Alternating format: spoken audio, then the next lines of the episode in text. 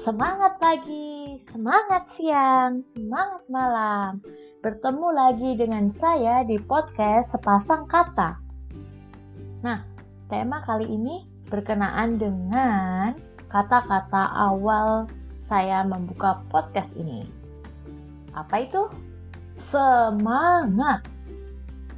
Menurut saya, semangat itu sangat penting untuk hidup terlebih sebagai motivasi diri kita untuk menjadi lebih baik.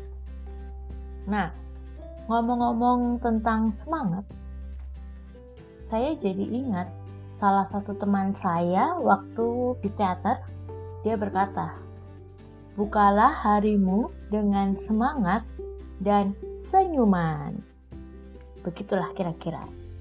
Dan menurut saya itu sangat betul kali ketika kita membuka mata, saya selalu mengusahakan diri saya untuk semangat, senyum, dan membuka mata dengan misalkan saja saya bertemu dengan kucing saya, saya selalu menyapanya. Selamat pagi. Kalau tidak ya ohayo kuro dengan senyuman. Hal ini saya lakukan di hari-hari saya. Untuk apa? Untuk menjaga semangat saya di pagi hari karena mood saya di pagi hari itu akan menentukan bagaimana jalannya keseharian saya selama satu hari itu. Terus lagi, saya juga mengingat teman saya berkata, setelah semangat, rilekskan badan, kemudian stretching sebentar, ditambah senyum, itu membuat diri kita bahagia. Dan jangan lupa satu hal lagi, buatlah rencana Misalkan poin-poin rencana hal-hal apa yang kita akan lakukan. Nah, biasanya kalau catatan ini saya selalu membuatnya sebelum tidur. Saya mau tahu nih, oh besok ada apa aja ya? Besok saya harus melakukan apa saja ya? Buat poin-poin untuk pengingat, oh hari ini sudah selesai. Hari ini poin ini selesai ya. Jadi ketika malam saya bisa lihat lagi, oh ada hal-hal yang sudah saya lakukan dan hal-hal yang belum saya lakukan.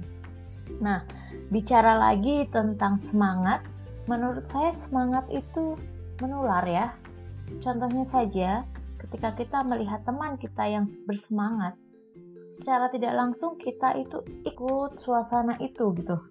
Tapi kadang-kadang ya, untuk memulai sesuatu itu kadang, aduh, tidak semangat, atau susah sekali ya untuk memulai. Biasanya kalau saya ingin memulai sesuatu, saya pikirkan dulu, ini kira-kira langkah apa saja yang bisa saya lakukan.